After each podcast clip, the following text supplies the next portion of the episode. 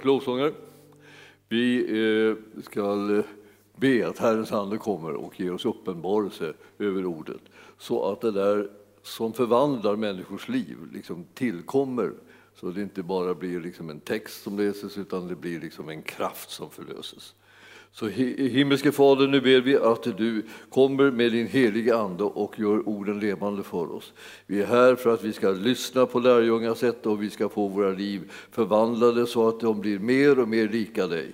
Vi vill följa dig, Herre, vill vi ära dig med våra liv och vi vill älska dig tillbaka som har gett en sån outsinlig stor kärlek till oss i, i, våra liv. Och vi tackar Herre för frälsning och för rättfärdiggörelse och upprättelse och helande och befrielse och förvandling. Utvägar och lösningar som vi vida övergår allt förstånd. Vi prisar dig för att du är så god mot oss. I Jesu namn och församlingen sa Halleluja. Ja, jag tänkte liksom tala lite grann om ett litet eh, ord i skriften som, eh, som vi nästan alla gillar. Så läser, man läser där på lite lugnt och så plötsligt så träffar man på det här ordet och så tänker man att det var det värsta. Det här är ju jättebra, det är precis vad jag alltid önskat mig.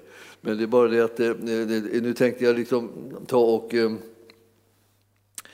Eh, ja, tala lite grann om det här ordet eh, så att eh, du får tag i det och det blir innehåller mera än det som du kanske först bara tyckte att det var eh, sådär jippej. Liksom. Det, det här, äntligen, ordet, nu fick jag ordet som, eh, som ger mig liksom möjligheter att leva liksom, som jag vill. Ja. Men, men det, det, det, blir, det, blir, det blir liksom lite annat. Det blir härligare nämligen. Eh, och eh, vi ska gå till eh, Johannes evangelium och vi ska gå till det åttonde kapitlet och vers 31 och 32. Och, och där läser vi så här. Jesus sa till de judar som hade satt tro till honom. Om ni förblir i mitt ord är ni verkligen mina lärjungar. Och ni ska förstå sanningen och sanningen ska göra er fria. Så eh, det där var det ena då. då. Och sen så om ni, eh, som jag har lite parallellställen där under så är det första parallellstället liksom, och det är eh, väldigt likartade som i innehåll. Det är från Galaterbrevet 5 och 1. Och där står det att på samma sätt liksom, att det, det, vi ska få frihet. Och eh, man kan tänka att det är, eh, det är underbart, eh, så att det, det betyder bara är du fri, ja, då kan du göra vad du vill. Men det är ju liksom inte riktigt så som det var tänkt här, utan det står så här att till denna frihet har Kristus gjort oss fria. Och stå därför fasta och låt inte något nytt tvingas in på nytt, låt er inte på nytt, står det, tvingas in under slavoket. Och det där med att, så, eh, att man kommer att bli fri, det, det, är ju någonting som skapar möjligheter, men det, det, skapar också inriktning. Och man, ibland så tänker man, vad blir man fri ifrån? Ja, det som man inte ville göra då, då liksom det som försökte styra en och kontrollera en och pressen. Och så här. De flesta av oss gillar ju inte sånt. Eh, utan vi tänker liksom att eh, är det en massa saker som pressar mig eller ska styra mig eller sådär, och jag hindrar mig liksom att bara göra vad jag vill så, så är, jag, är jag emot det. Alltså jag vill inte ha någon, veta av någon sån här kontroll. Eh, och eh, det, det, de flesta människor har det gemensamt, vi gillar inte kontroll. Ja, och så, så står det här, så får man hitta med ett ord nu, så nu ska sanningen göra oss fria. Och sen då är ni verkligen fria. Ja, då tänker man, hm. här, nu, nu, nu, nu är det här, det här är favoritstället. Och jag vet inte hur många som har liksom talat om att det bästa stället de hittat i Bibeln är just det här, alltså, att jag ska verkligen bli fri och jag kommer och, oh, det är så härligt. Det, det, det är det bästa med att vara kristen, att man blir fri. Men jag skulle vilja säga att det, det, det, där får ju inte riktigt vara i fred om man läser Bibeln lite mera. Och jag skulle vilja föreslå det, att du läser Bibeln lite mer än att du bara liksom letar efter något ställe som stryker i medhår. Sådär. Så jag tänker så här, vad är det? Jag, jag, jag vill inte ha några, liksom, inga, inga styrningar, inga påverkan, ingen tvång, inga tvång, ingenting. ingenting. Utan jag vill, jag vill bara vara fri. Så, så. Så, finns det, då, så, kan man göra så liksom, som predikant kan man ju frestas liksom att tänka så här, ja, nu vill jag skapa liksom vän, vänner här. Nu ska jag säga, ja, och, säga, ja, ni är kallade att vara fria allihopa. Det är, ingen ska bestämma över er, ni, ni är absolut fria. Ni kan göra precis vad ni vill och ni kan leva hur ni vill. Och ni kan följa ert hjärta och er lust och er liksom längtan och, och bara förverkliga det. Liksom. det, det så är det. Men så är det ju inte liksom, riktigt. Jag tycker man, ibland kan man tänka så här, vad är det jag skulle vilja bli fri ifrån? Ja, och det är, det är en bra tanke. Liksom det, så det är inte bara det här liksom, fri ifrån kontroll. Ja, vem är det som har rätt att kontrollera mig? Ja, alltså om jag vet att det är någon som skulle ha rätt att påverka i mitt liv eh, så eh, beror det ju på att jag har gett den rätt att göra det. Så att det, är, det är inte bara så där att, liksom att nu kommer, dyker upp en maktfaktor och hugger mig i nacken och eh, kör mig iväg åt ett håll dit jag inte vill. Och så tar, så tar kontrollen bara. Och så tänker man att man får gå med på det, man får, man får acceptera det. Liksom. Jag kan inte räkna med det. Så, men så tänker man så här, jag sätter mig på tvären. Så sätter man i alla klackar som man har och jag försöker bromsa hela den här eh, liksom, eh, viljan som pressas på en. Så. Men, men eh, sen är det ju så att Herren, Herren när han kommer till oss så, så brukar jag säga Led med Jesus, liksom. visa mig vilken väg jag ska vandra på. Så, här, så där böner har du säkert bett många böner sådana gånger. Ja. Och ett och tre säger okej, okay, då gör jag det, säger han då. Ja, vänta, vänta, vänta, vänta, vänta. Vad nu? Vad nu? Ska han utnyttja det? Liksom, utnyttja situationen bara liksom leda mig? Liksom, och, så här, vem vet liksom, om vi är överens? Vi måste ju veta om vi är överens. Nej, så det, det, det, det, det är ju det här alltså, att Herren vill ju, vill ju, först när han gör dig fri, så vill han lösa dig från det som inte har rätt att styra ditt liv. Sedan du liksom har valt att följa honom. Och har du valt honom som din Herre, då betyder det liksom, ja, att han har rätt. Påverka ditt liv och säga vad du ska göra och inte göra. Så det blir inte så där jätteenkelt här. Jag gör väl vad jag vill. Ja, det var då det som du trodde det. Vill säga. Men då satt du liksom fast i massa annat jobbigt krångel liksom från mörkrets sida liksom, och synder och, och eländen och, och, och, prestationer och allt vad det var. Att, men, men, nu, nu vill, vill Herren säga nu ska jag lösa dig från allt det så att du kan tjäna mig. Så det är liksom, du blir dels fri och dels så tas du i tjänst. Och ibland så eh, beskriver bibelordet att man tas i tjänst, att man liksom blir livegen. Alltså man, och ibland så säger man rakt ut så här, så här, du kommer bli en slav. Nu är du Kristi slav. Det låter inte, låter inte så jättekul. Liksom. liksom men man tycker ändå att, alltså, att eh, man förstår ju att man vill ju följa Jesus och, och eh, så försöker man då komma på det här, ja, men, och han vet ju bäst och det blir nog bra. Och så här, han är snäll. Han, han pressar mig inte, han kommer inte med några orimliga krav och förväntningar på mitt liv. Så och alla de här sakerna liksom är liksom såna så såna, liksom halvsanningar liksom på något vis. Han har, han, han, har, han har en fantastiskt mål för ditt och mitt liv. Och om han kan få oss liksom att liksom mena vad vi säger när vi säger Herre, Herre led mig, lär mig hur jag ska leva, visa mig vägen som jag ska vandra på. Liksom, allt det här. Alltså alla sådana här liksom, önskningar som jag har, böner som jag ropar till God, Jesus gör mig lik dig. Och så. Då kan man inte leva hur som helst, utan då måste man leva som han. Om jag, låt mig likna dig. Jag tror inte det finns en enda kristen som inte liksom haft den, den bönen på läpparna.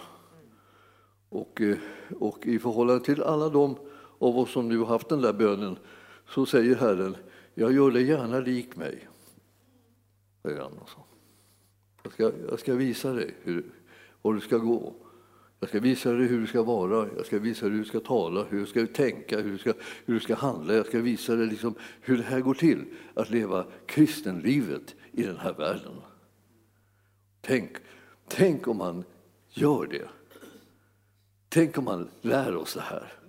Tänk om man visar oss var vägen går. Så vi vet att ja, det här går, här går vägen och det här är det jag ska göra. Och så här ska jag använda mitt liv och så här ska jag använda min tid. Och det här ska jag ställa mina krafter och min förmåga till eh, förfogande för honom. Och när, det, när den inte räcker, då, då, då, kan jag vända mig till honom och säga hjälp mig. Och så kommer den heliga Ande som är den stora hjälparen liksom, och bistår mig med sin kraft så att jag kan göra även det som är fullständigt omöjligt, och ofattbart och otroligt nästan. Alltså Herren har en möjlighet att göra någonting alldeles nytt med våra liv. Så det gamla ska vi lämna, men det nya ska vi inta och över, överta så att säga, från, från Herren som en gåva som han vill ge oss. Och då står det här i Galaterbrevet Alltså den här första versen i Galaterbrevet 5, där står det så här, det är också så här som man brukar citera då. Till denna frihet har Kristus gjort oss fria. Stå därför fasta och låt inte något nytt på nytt alltså, tvingas in eh, under slavoket. Nej. Alltså, vi har varit under slavoket, det vill säga vi, vi har tjänat fel makter. Alla de makter som är, råder i den här världen, som i hela världen är en ondes våld och vi har liksom tvingats in att tjäna de krafter och makter som är i den här världen. Och så säger han nu, nu löser Herren dig från det. Han gör dig fri ifrån det. Men så visar han dig vad du ska komma in i för liv istället. Och det livet som är istället, det är det, där, det är det underbara livet som är en verklig, det verkligt fria livet. Det är som, det är livet som Jesus Kristus visar dig. Och så ska vi stå fast och inte låta på oss på nytt glida in under det som vi var i, i tjänst för innan. Och det där med att inte glida tillbaka, det tror jag liksom ibland är stora utmaningen för varenda kristen. Att man har så mycket saker som man under vissa tider ser att man är bunden vid och sen så ser man att man har blivit löst ifrån det. Och så är det underbart och så går tiden och så, så, så börjar man hasa som ungefär som man kommit eh, liksom upp i en backe en viss bit och men sen börjar man hasa tillbaka liksom och hasa tillbaka och lite, lite i taget. Och eftersom det är så lite i taget så är det knappt man märker att man håller på och kommer in i, i precis samma typ av fångenskap och, och, och påtryckning och styrning eh, av det som man inte ville vara styrd av, som man var för tidigare. Alltså. Man glider tillbaka till det och man tänker så här, vad är, det med, vad är det med mig? Vad sitter jag och tänker för tankar?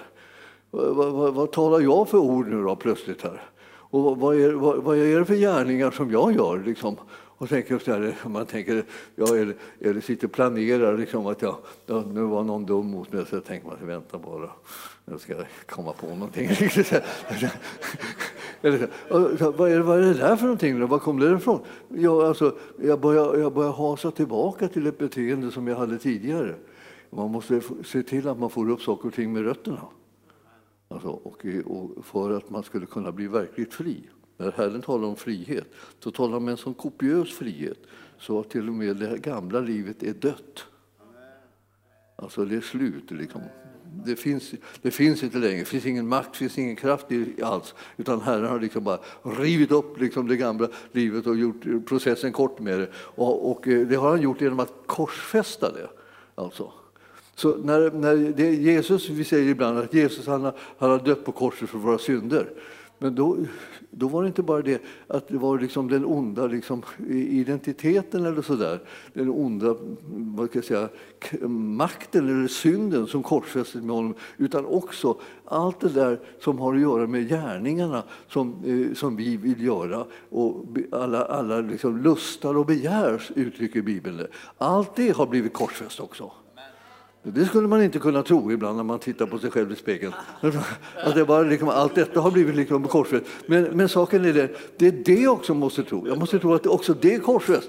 Så att därför så är, så är det ingen idé att jag försöker. För jag, jag, jag sitter inne med informationen om att det också är korsfäst. Så det är inte bara den gamla människan som sådan, så att säga, synda, med syndakroppen och det här som har blivit korsfäst, utan det är också eh, eh, den här människan som med alla sina eh, begär och begärelser och så där, har påverkat och styrt mitt liv. Så eh, fri har jag blivit rejält. Så, och, och, ju mer jag vet om det, desto lättare har jag liksom att hålla det borta ifrån mig, också, att, det, att det gamla återvänder. För det har egentligen ingen, ingen kraft att återvända om inte du så att säga, bygger upp det som du redan har, liksom, har rivit ner. Så Bibeln talar om det, liksom att det, det var en frestelse att liksom hålla på liksom återuppväcka saker och ting som, eh, som redan är korsfäst och dött. Eh, därför att det, vi känner oss trygga och vana vid det och vi minns det och så där. Och det är inte farligt att minnas saker bara man vet att det är besegrat och korsfäst. Och, och, det sitter liksom där. Det där med att det är korsfäst är väldigt bra för då tänker man det, då är det fastspikat någonstans, det kommer inte loss. Om inte du sätter igång med någon slags felaktig bakvänd befrielsetjänst och försöker, liksom, försöker få riva loss liksom, eh, det gamla eländet så att det kan komma, eh, komma till uttryck igen. Men det är vi inte kallade till. Utan det vi, vi, vi, om ni nu liksom har, har, blivit fria, då är ni verkligen fria. Så, så.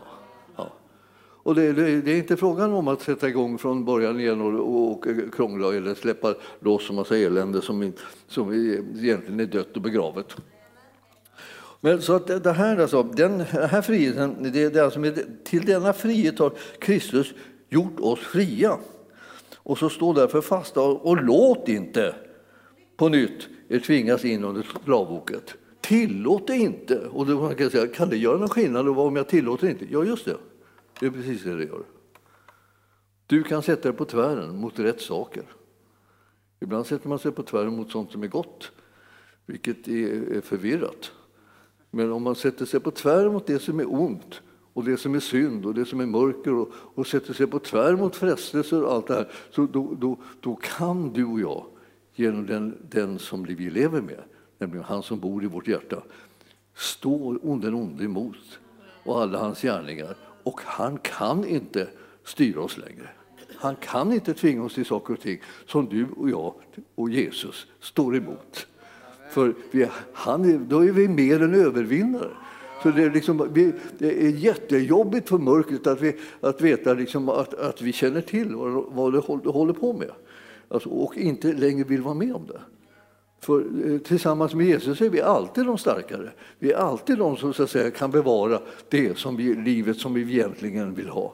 Men om vi är illa informerade och, liksom, och, och har en väldigt klen tro på att vi någonsin ska kunna stå emot någonting, då blir vi bara så här, ja, ja Åh, det får inte komma någon frestelse, det får inte komma något besvärligt nu, det får inte komma någon utmanande, jag klarar inte av det, jag klarar inte av det, jag klarar inte av det, jag klarar inte av det.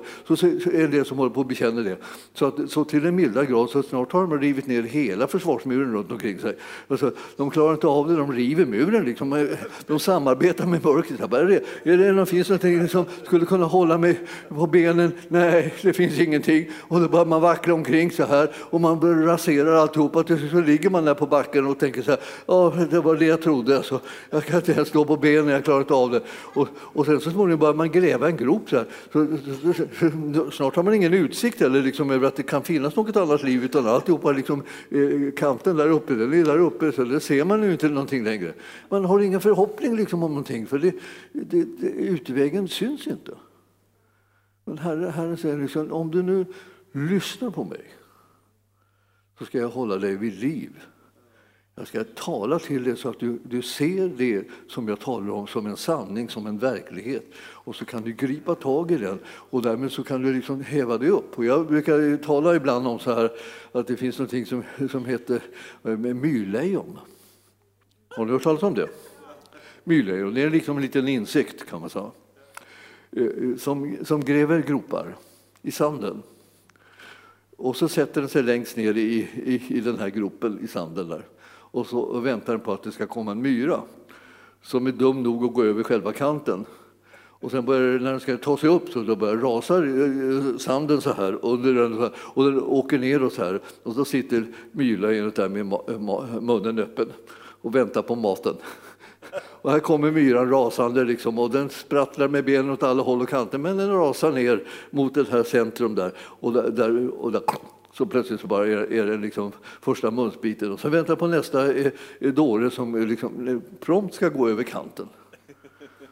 Det där med att man ska se upp så man inte blir som den här myran som absolut ska envisas med att testa om, om man kan gå över kanten. En del säger så här, var ska man stå om man, om man, om man, om man lever på en liten, liten rund skiva? Ja. Om ni nu tänker att det är eh, en gammal uppfattning om vad, jorden är för någonting. Jorden var platt och en liten rund skiva sådär.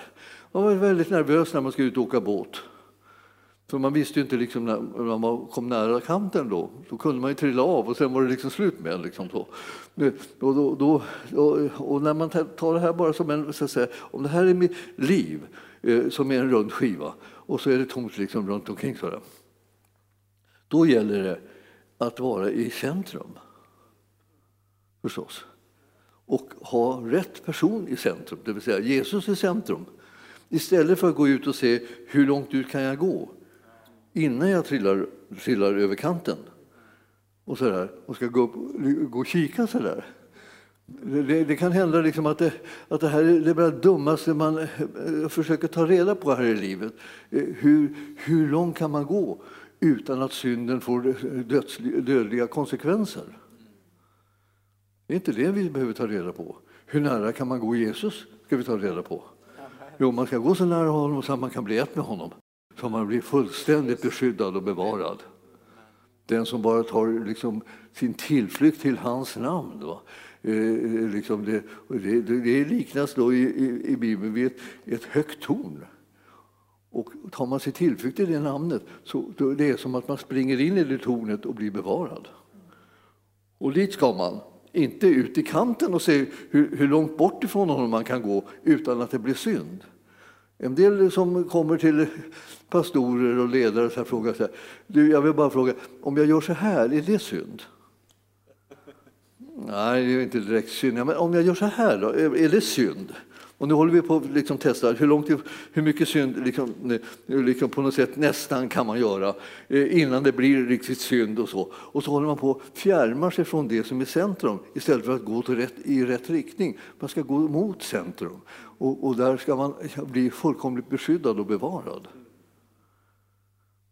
Det här med liksom att, att kunna leva ett liv som är, som är åt rätt riktning, det är liksom A och O för en kristen. För annars förr eller senare så hittar de kanten om man går åt fel håll. Men om man går rätt håll så hittar de centrum. Och då hittar de den trygghet och det beskydd och, och, och, den kärlek och den kraft och den godhet som Herren vill presentera för dig och mig. Alltså. Så jag vill bara säga att jag, tänk lite grann på det där, för att ibland så ska vi undersöka saker och ting. Hur, hur, långt, hur långt går man? Och nu för tiden, när vi lever i en värld som är så markant liksom annorlunda i moraliskt hänseende mot vad det är, så att säga, i, i, i den kristna världen. Så vi, vi lever i en kristen värld och världen runt omkring oss som inte är så jättelångt borta utan ibland är ända här nära så man, man nästan känner sig trängd av den liksom, och, och, och, har en helt annan syn på vad som är rätt och fel och vad som är gott och ont och vad som är synd och, och, och vad som är liksom rättfärdigt liv. De har liksom helt andra värderingar. Och det är mycket markant. Jag menar, jag, jag känner ju, jag känner, när jag tänker tillbaka på min barndom så, så tyckte jag liksom att det verkade då som om alla tyckte likadant ungefär. De levde inte riktigt likadant, men de tyckte nog egentligen ganska lika ändå vad det var som var, vad som var eh, synd och vad som inte var synd. Och så. Man visste det, men man tog, kanske inte ville ta det så på allvar. Och så. Men, men det, här, det här, nu för tiden, nu, nu är vi inte överens alls. Nu är det som att det är verkligen två olika världar. Och vi behöver veta vilken värld vi tillhör så att vi kan hålla oss i den världen och inte gå och, liksom och känna av, testa den andra världen för att vi kommer ut i någonting som vi så småningom kommer att bli besegrade av. För de, de krafter som man släpper in här undergräver en och så småningom så har man ingenting riktigt som, som kan stå emot det. för man har till och med tappat riktigt viljan att stå emot det. Ni vet, vissa synder är ju inte precis av den där arten som, man, som bara att de är avskyvärda, utan de är liksom också de är frestande. De är lockande. Liksom. Det finns liksom, man tycker, eh, saker att vinna eller sånt som man tycker är behagligt med dem. Och, eh, och, och då är de ännu värre att stå emot om man inte gör det med väldig konsekvens. Eh, det här, eh, det här med livsstilen, alltså jag skulle, jag skulle ge ett, ett, ett ord ifrån, eh, ja det är, det är ju Markus 7. Och eh, det var 19 versen tror jag det var. Markus 7 och 19. Eh, man, man hade olika typer av utmaningar i olika tider. Eh, och eh, i, i, en del, I en del tider så var det så att man, man hade väldigt många, många av de kristna var före detta judar och levde i det gamla förbundet. Eh, och de hade, där hade man bestämda eh, ordningar och lagar och, och, och så som man skulle hålla därför att man, därför att man tillhörde det gamla förbundet.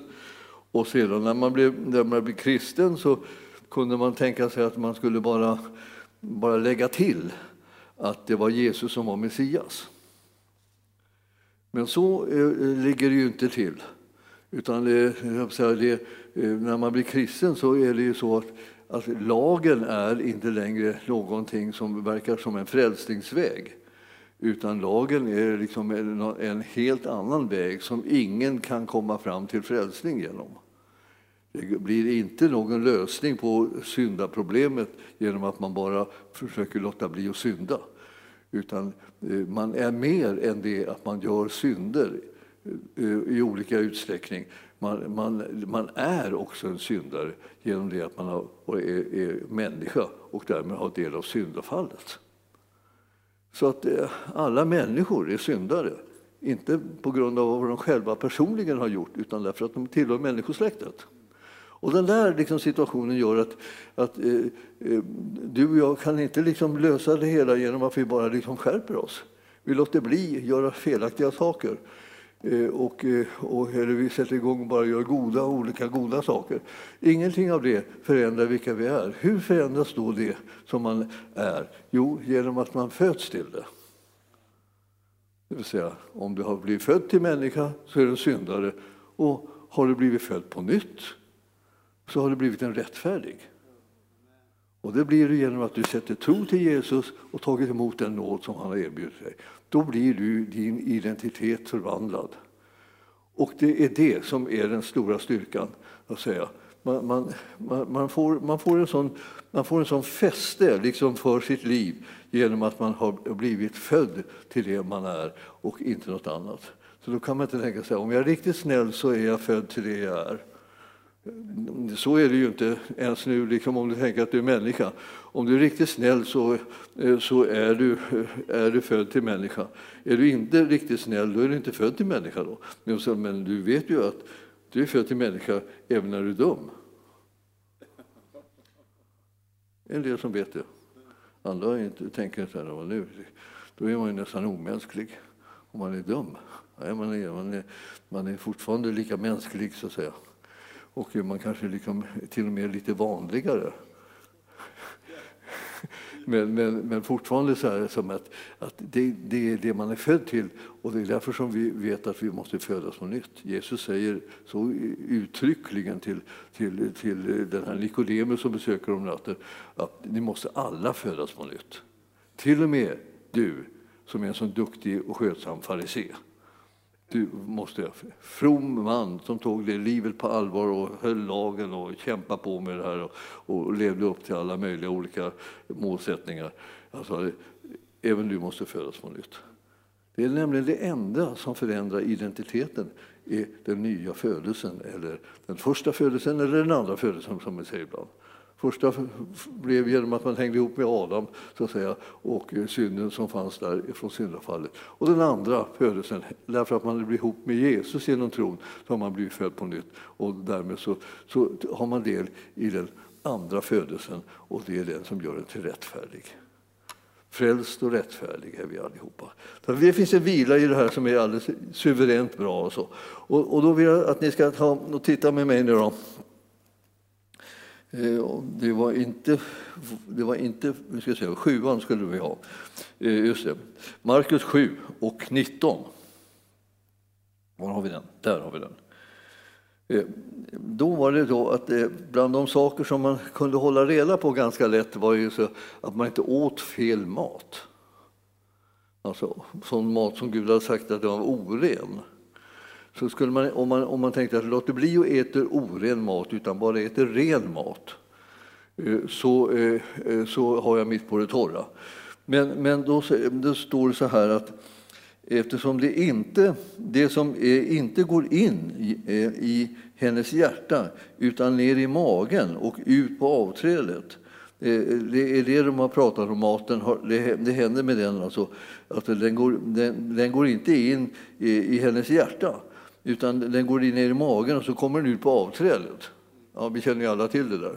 Särskilt ni som har blivit, vuxit upp på 60-talet fick lära er hur toaletter fungerar i barnböckerna. Så man såg, fick med ritningar så här fick man veta vart tar bajset vägen. Och det var ju väldigt, eh, väldigt bra att veta då, tydligen. Men då såg det så här, eh, när, när Jesus hade sagt det här så menar, förklarar han all mat för ren. Och plötsligt säger han någonting annat än vad lagen säger, nämligen där man varnar för olika typer av föda. Så säger han, nu förklarar all mat för ren. Och säger, genom maten så kommer du inte kunna förorena ditt väsen. Utan du, maten, eh, vad helst det är för mat, han säger till och med så här att om du är någonstans och de vill bjuda dig på mat och det är sådana som är hedningar som vill bjuda dig på mat som inte vet i alla de här renhetsreglerna som gäller för en jude. Vad ska du göra då? Då ska du äta det som sätts framför dig. Och det ska du göra ända tills den stunden kommer när någon plötsligt säger ja men det här är ju avgudakött, säger de och pekar de på maten. Då låter du bli att äta det. Inte för att du inte skulle, du inte skulle kunna äta det, utan att för den som påpekar det skulle fara illa av att du åt det och tänkte att de äter avgudakyrk. Mm. Men för dig är all mat ren. Men för den andra är det inte det och därför så avstår man. Och det, och det där är så, eh, så man, man förstår att det lite grann av det här när det, det dyker upp här och där såna här, eh, de här reglerna. Liksom, vad, vad, man får, vad ska man akta sig för? så? Och, eh, och eh, Jesus han är väldigt tydlig på det här sättet. Att det, här är inte, det sitter inte där. Det viktiga är liksom att det är det som kommer inifrån människan. Att, och kommer så eh, från hennes hjärta. Och kommer ut och sätter sin prägel på livsstilen. Det är det som kan förorena henne. Inte det inte det som är liksom mat som man bara äter, äter och tuggar ner och kommer, kommer ut liksom den normala vägen, så att säga. Det, det är, förorenar inte människan. Och då, då, får man liksom tänka lite grann över det här och tänka, ja, jaha, är det så här alltså? Eh, ja, alltså det finns, det finns, en, det finns en, en frihet som är mycket större än vad man ibland, ens omgivning känner till. Men samtidigt så finns det liksom också en begränsning som är mycket tydligare än vad man själv känner till. Och den begränsningen består i att, att du ska inte låta någonting få makt med dig. Så fort du kommer in i något så här, där du låter det få makt med dig så är det otillåtet, för du ska leva fri. Det är ingenting annat som ska ha makt med dig än honom som du tillhör nämligen Jesus Kristus. Han ska ha makten i ditt liv. Inte något annat. Inte några andra seder och bruk och ordningar och sådana saker. Du ska inte ha makten med det. Inte, så du ska inte fastna i några, liksom, några liksom, matregler eller sådana saker. Du ska inte ha makten över det. Det som ska ha makten i ditt liv är Jesus. Så om vi går till första Korintierbrevet 6 och 12 så ska vi ta, ta, titta bara på något ställe till. här. Jag känner liksom att det här är ju, det här är ju både, eh, både eh, viktigt och man tycker ja, men, åh, inte så viktigt. Det, är liksom, det var lite det här om, om vad man ska äta och inte äta. Och så. Det, det kan vara liksom mindre viktigt, men det, men det är inte mindre viktigt. Utan det, det, det står så här att, att i, i 6 och 12 i Första Korinthierbrevet där står det att allt är tillåtet för mig, men allt är inte nyttigt. Så kan det ju vara. Så om du vill äta något, någon, någon liten gråsugga så, så är det naturligtvis tillåtet, men det kanske inte är så nyttigt. Eller, eller skulle liksom ta, ta emot lite grann och, och stoppa in det i munnen. Men man vet ju inte riktigt, för det är, ju, det är många som ägnar sig åt i olika delar av världen att äta liksom insekter. Så. Men här står det alltså allt, alltså allt är tillåtet för mig, men allt är inte nyttigt. Allt är tillåtet för mig, men jag ska inte låta något ta makten över mig. Så om du plötsligt skulle bli alldeles liksom bunden vid att stoppa i dig eh, gråsuggor jag tyckte det var det, var det godaste jag har ätit på länge. Liksom, det kittlat och härligt skönt också. Liksom. Typ. Och så stoppar det bara, så bara sitter du hela dagarna ända bara liksom stoppar i det. Alltså, så du kan liksom inte företa någonting annat. Alltså, eh, eh, nu är det liksom naturligtvis en, en horribel tanke, men, men eh, om det vore så att någonting fick makt med det på det här sättet så att du liksom du, du, fick lägga undan allt möjligt annat som du egentligen borde ägna dig åt eh, så har du, har du kommit in i en bundenhet som inte är tillåten för dig som är troende. Den enda liksom koppling och bundenhet som du ska ha vid någon är den som det har blivit mellan dig och Jesus när han har blivit din frälsare och han har fött dig på nytt och han har rättfärdiggjort dig och nu lever du för att lära dig hur man ska leva i den här världen som människa. Jesus lär ut det. Och det är honom du ska följa och det är honom du ska likna. Och inte liksom fastna i någonting annat konstigt beteende. Så att eh, ni ser att det står där i tolfte versen att allt är tillåtet för mig. Men, står det sen, och det betyder att nu blir det en begränsning. Alla saker var inte riktigt nyttiga. Och det då, till exempel då när det gäller maten. Det kan ju också vara sådana saker som, som har att göra med andra, andra ting än, än just det här med med, med, med mat bara. Men, men allt alltså är egentligen tillåtet, men jag ska inte låta något få makt med mig. Och du vet själv snart, eh, när, när, när du får makt med dig. Folk brukar fråga allt möjligt sådär, hur man ska förhålla sig till droger och, och sådana här saker. Hur, hur, man ska förhålla sig till olika typer av gifter som, som man eh, kanske tenderar liksom till att använda sig av. Eller, eller om man tänker sig mediciner, så är ju mediciner liksom bra. Eh, men om du sätter igång och börjar knapra dem i, liksom i överflöd, liksom bara, bara stoppar i dem eh, stup i ett hela tiden så här, så blir, så blir du bunden vid dem. Och då blir det ett missbruk. Och då har du liksom plötsligt fått, kommit in under en makt som du inte eh, är tillåtet för dig att ha över dig. Medicinen har liksom, eh, liksom en, en funktion så att säga, där den hjälper dig. Eh, när du är sjuk inom något område och ännu inte har fått ditt helande så får man använda sig av mediciner. Men man, man får inte sätta igång och, liksom, och använda dem i, i, i kopiös omfattning eh, så att det blir ett, frågan om ett missbruk. Och det här, det här är ju det är ibland inte lätt för människor att liksom riktigt hitta den här balansen som de ska där när det gäller de här tingen. Om du går till tionde, eh, tionde kapitlet i Första Korinthierbrevet så hittar du liksom ett annat, annat ställe där, och det är vers 23. Allt är tillåtet, står det här, men allt är inte nyttigt. Allt är tillåtet, men allt bygger inte upp. Och då var det liksom ett annan liten aspekt av det, inte bara det här att det skadar dig, utan liksom det, att det, det här verkar inte positivt in i ditt liv. Det här är inte till gagn för ditt liv egentligen, utan, utan det, här, det här är någonting som raserar eh, ditt liv snarare än, än bygger upp det. Då är det här inte någonting som du får ägna dig åt.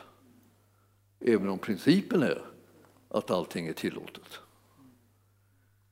Och det här, eh, nu kommer det komma liksom eh, mycket, mycket eh, mer subtila, liksom, mer dunkla liksom, situationer där det inte är så lätt alltid riktigt, riktigt att veta vad det är. För att det står inte precis det exemplet i, i bibelordet, men principen står där.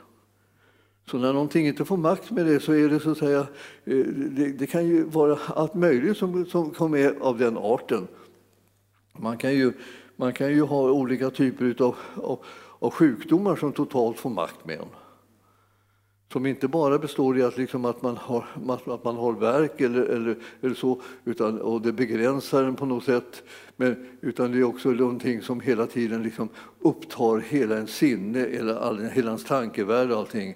Man, man, man, man, när man gör sig illa så blir man så, så upptagen av det stället där man gjort sig illa så att man nästan inte kan liksom, eh, tänka riktigt klart på någonting annat utan man går hela tiden och tänker på hur det känns. Och det där liksom, då har den liksom inte bara eh, begränsat ditt liv utan den har också börjat stjäla ditt liv och ditt livs möjligheter att utvecklas. Sådär. Och eh, då, då måste man vända sig till Herren och bli löst ifrån den här makten av liksom felaktig påverkan in i livet som, som den här sjukdomen eller lidandet har eh, medfört. Nu då. Så det är inte bara själva lidandet som sådant eller sjukdomen som sådan som man vill bli fri ifrån. För det har ju Herren också gett löften om att vi ska bli helade och befriade. Så. Men det är också det, den, den, den negativa så att säga, eh, liksom upptagenheten som gör att, att du klarar inte av att göra andra saker heller. Det, liksom, det, blir så, det, det blir så förlamande kan man säga. Genom den här, det lidande som du har, har i, i, din kropp eller i din själ och så förlamar dig så att du inte kan göra det, någonting av det som normalt ska ingå i ditt, i ditt liv. Och Herren vill också ta itu med det. Så då behöver det inte bara vara liksom själva, själva saken, orsaken som sådan utan det är konsekvensen av att man har den här sjukdomen får också, hör också till det som Herren vill ta itu med. Eh, det här, eh, det här, man läser de här bibelställena liksom och, och, och, studerar dem lite grann så märker man liksom att, de, att de, de håller på att lära någonting. Alltså, eh, och det, det, har också att göra med liksom hur livsstil överhuvudtaget. Liksom.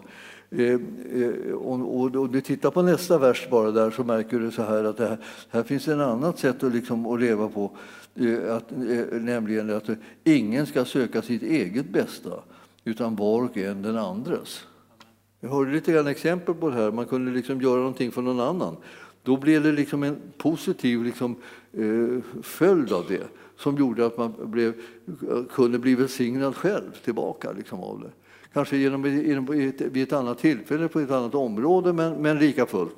Alltså, genom att man bara gjorde någonting osjälviskt så att säga, och om, omsorgsfullt om en annan människa så kunde man, eh, man så ett, e- ett slags välsignelse eh, som man sen kunde få skörda. Och, eh, och, och, det där är inte att, att, att liksom, eh, liksom missa, utan vi behöver verkligen tänka på det. Att så, är, så är det med den kristna livsstilen. Man ska göra gott liksom, eh, och, mot människor. Och det, det, står ju på mängder med ställen i bibelordet. Eh, och, eh, det, och då kan man också se att man, man får skörda också det som är gott och det som är hjälp på de områden i sitt eget liv där man behöver det. Går du med, med, med till Kolosserbrevet också, ska vi ta och titta där. Ja, jag ska ta och avsluta med det, märker jag. Liksom, jag har ju hållit på ett tag tydligen. Det var väldigt vad det gick fort nu då.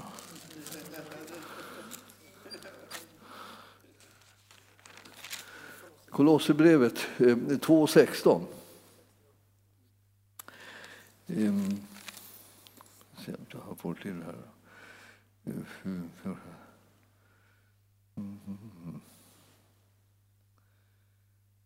Det, det är återigen att man inte ska, eh, man ska inte låta någon eh, döma en Eh, eh, för det som eh, vi äter eller dricker eller i fråga om högtid eller nymånad eller sabbat. Alltså alla möjliga olika speciella tillfällen eller tider eller stunder. Så där. Vi ska inte låta, låta liksom det heller liksom sätta sin prägel på så till en milda grad liksom att, att vi blir liksom förkastade eller, eller dömda för att vi inte upprätthåller liksom alla, alla saker på samma sätt som andra gör det. Och vi, det är mycket som har, hänger ihop med det här med, med eh, eh, helgdagar eller högtidsdagar eller så säga, inom olika religioner så är det så att vi, det som vi, som vi har i, inom kristendomen, det är, den, det är de tiderna som vi, då vi lägger märke till särskilt och firar särskilda händelser eh, för, de, för den kristna tron. Och det, det är det som vi förvaltar. Men sen möter vi andra religioner och vi förvaltar inte deras högtider utan det får, det får de sköta så, att säga, så länge som de inte har hunnit lära känna Jesus. Men vi, vi, vi sätter inte igång bara någon slags och, och firar deras högtider eh, när det gäller deras gudar eller, eller andra, andra eh, liksom saker inom deras tro som de firar. Bara för att vara liksom på något sätt lojala eller sådär.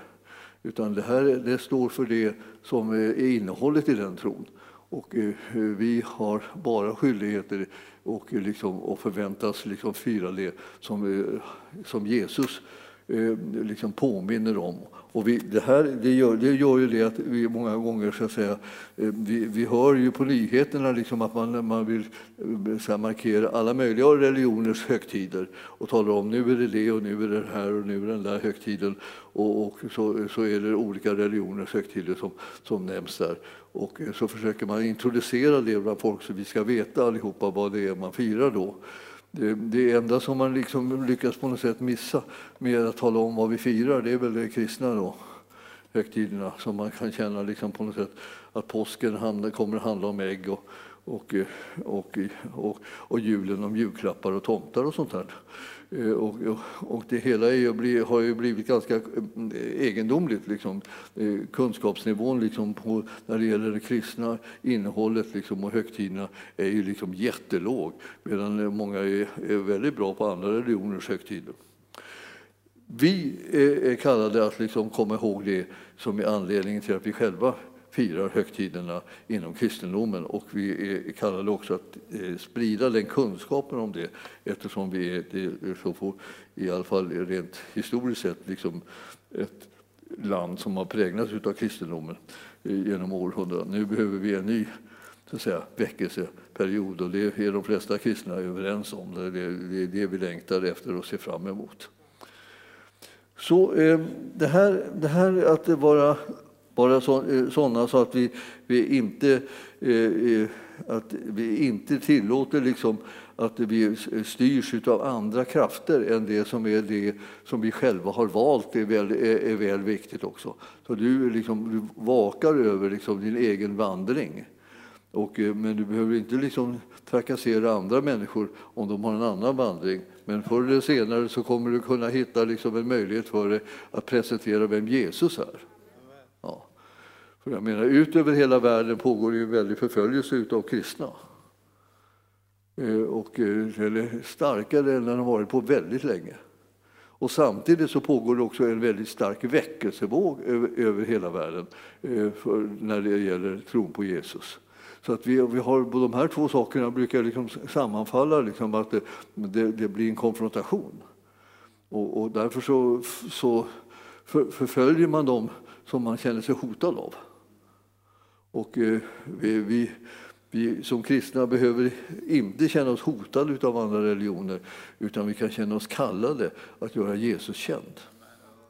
Och det är det som är liksom vår inställning till de här tingen. Eh, att förtrycka andra för deras tro eller åsikter och, tankar, det, det, det är otillbörligt under alla förhållanden. Så att, eh, eh, då ska vi se om jag har fått med de flesta av de här bibelställena som jag hade där på gång. Ja, det tror jag. Eh, då ska vi ta och bedja att, att det här som handlar om vår, vår frihet att följa Jesus, att göra tjänst för honom, att förverkliga det som ligger på hans hjärta. Det är det som vi alla, vi som är troende, liksom har blivit kallade till. Att på olika sätt. Och det är så väldigt skönt att vi är väldigt olika när det gäller det här. För alla människor kan inte nå alla. Så även om vi liksom ibland blir överraskade att vi kunde nå någon som vi, vi aldrig trodde att vi skulle kunna nå så är, är det ju eh, härligt och, och, glädjande att det sker så. Men eh, sen är det så att också det, att en del människor som vi försöker nå eh, når vi inte alls. Det blir tvärstopp liksom och de eh, verkar helt likgiltiga för det vi kommer med. Och det, men då är det en annans uppgift. Så det är bara att gå till nästa. Och så småningom, man letar nämligen efter folk som är eh, de möten som man ska ha med, med människor som man kan vittna för och som man kan dela evangeliet med. Och man letar efter dem. För mig var det en ofantlig skillnad när vi, vi gick i höghusen här inne i Kungsängen i, ja, på 70-talet. känns ju liksom lite länge sedan. Men gick vi höghus. Då, då gick vi upp där och liksom alla var vi nervösa sådär. Och så gick vi upp och så gick vi högst upp liksom, och så ringde vi på en dörr och så här. Och så öppnade de då och så, och så frågade vi om de kände Jesus. Nej. Ja, vi, vi var ju, det var ju på kvällen vi var där liksom då. Och då var alla upptagna med att sitta och titta på tv. Det var liksom, man störde dem alltid på något vis. Så de var liksom lite aggressiva redan när de behövde öppna dörren. Och sen så fick de höra dessutom att det var någon som skulle vilja prata om Jesus. Eh, får jag berätta lite om Jesus för dig? Liksom då så här, nej, pang, dörren igen och så. Och så, och tänkte man, ja, nästa dörr. Så ringde vi, ringde vi på nästa dörr. Och, och, Ja, ungefär lika, lika, likadant blev det där. Och det small och då, dörren var igen. Och så och tänkte man, tredje dörren, då tänkte jag så här, gode gud, måtte de inte vara hemma. Jag vill inte ha sådana här upplevelser. Då ringde vi, och de var hemma då. Lika liksom fräsiga var de också. Då. Så, att, så småningom så, så, så tänkte jag så här, när vi ska gå ner till nästa våning då, när vi har betat av liksom en eller två så här, så nästa våning tänkte jag så här, måste vara någonting. Det är, någonting som är fel. Liksom. Kan, leder mig så att jag ringer på den dörren där jag har någon som jag kan prata med. Liksom så. Någon, någon som har längtat efter evangelium. Alltså. Och det var ju märkvärdigt alltså, hur det fungerade. Alltså, jag ringde på dörren och jag tänkte så jag ska övervann mig själv. Liksom, och så ringde jag på dörren och så, och så efter säger ja, eh, vi, vi skulle vilja presentera Jesus för dig.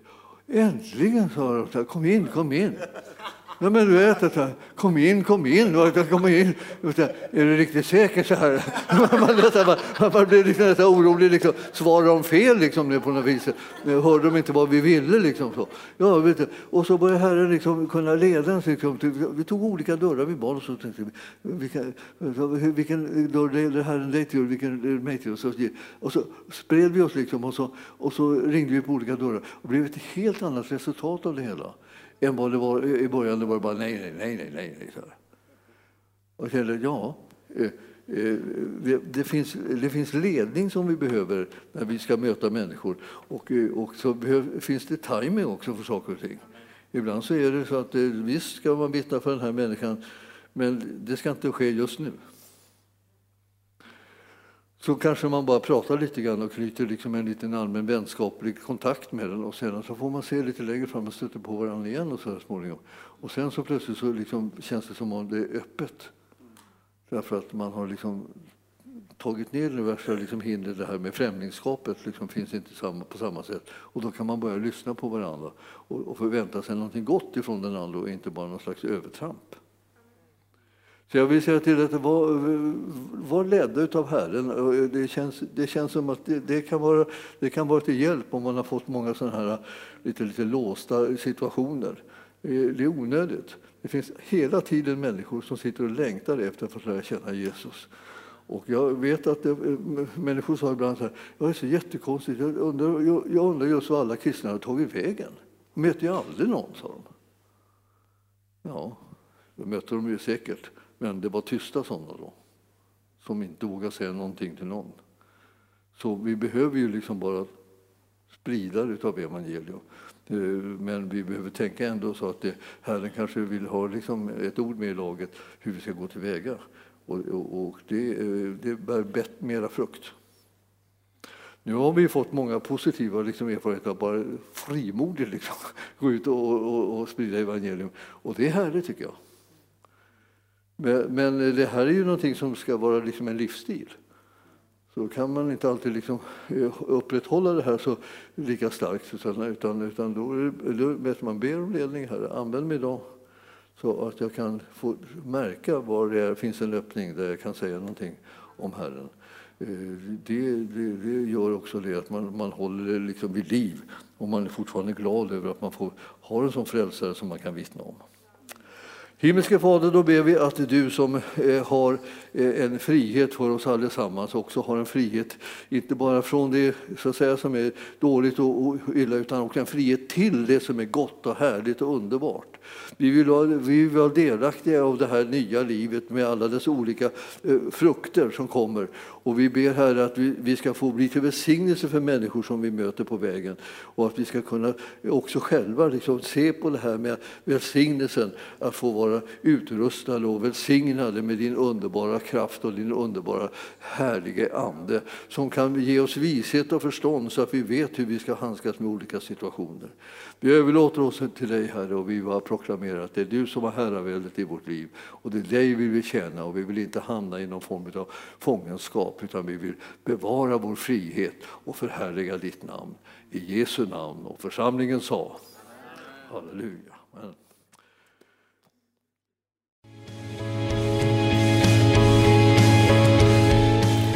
Tack för att du har lyssnat.